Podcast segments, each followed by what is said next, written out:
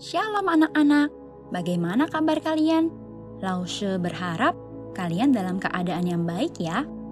Renungan hari ini berjudul Darah Tuhan Yesus dari Yohanes 1 ayat 7 sampai 9. Pernahkah mama dan papamu memberitahumu bahwa mereka lebih mengasihimu daripada kasihmu kepada papa mama yang bisa kamu berikan?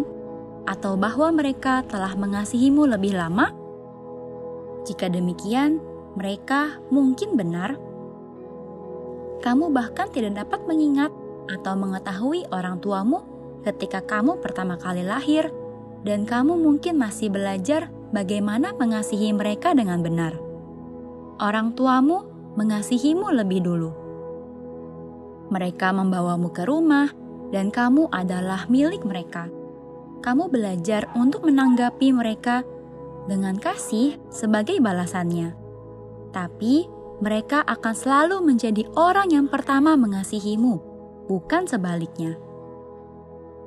Siapa yang menemukan kasih? Siapa yang menciptakannya? 1 Yohanes 4 mengingatkan kita bahwa Allah melakukannya. Allah adalah kasih.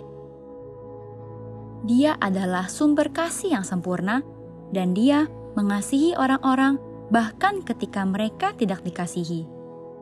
Bisakah seorang manusia memikirkan sendiri tentang kasih Tuhan? Tidak. Bisakah kita mendapatkan kasih Tuhan? Tidak.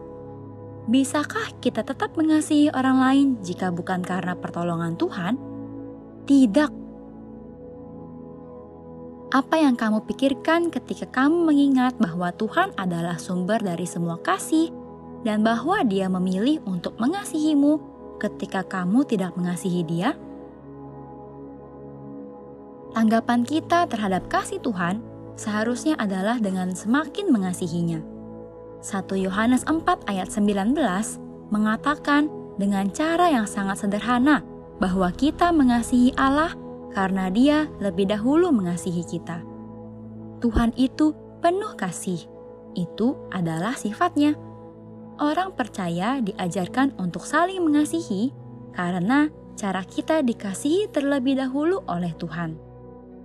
Tuhan mengasihi kita terlebih dahulu, jadi sudah seharusnya kita mengasihi Dia, Tuhan kita.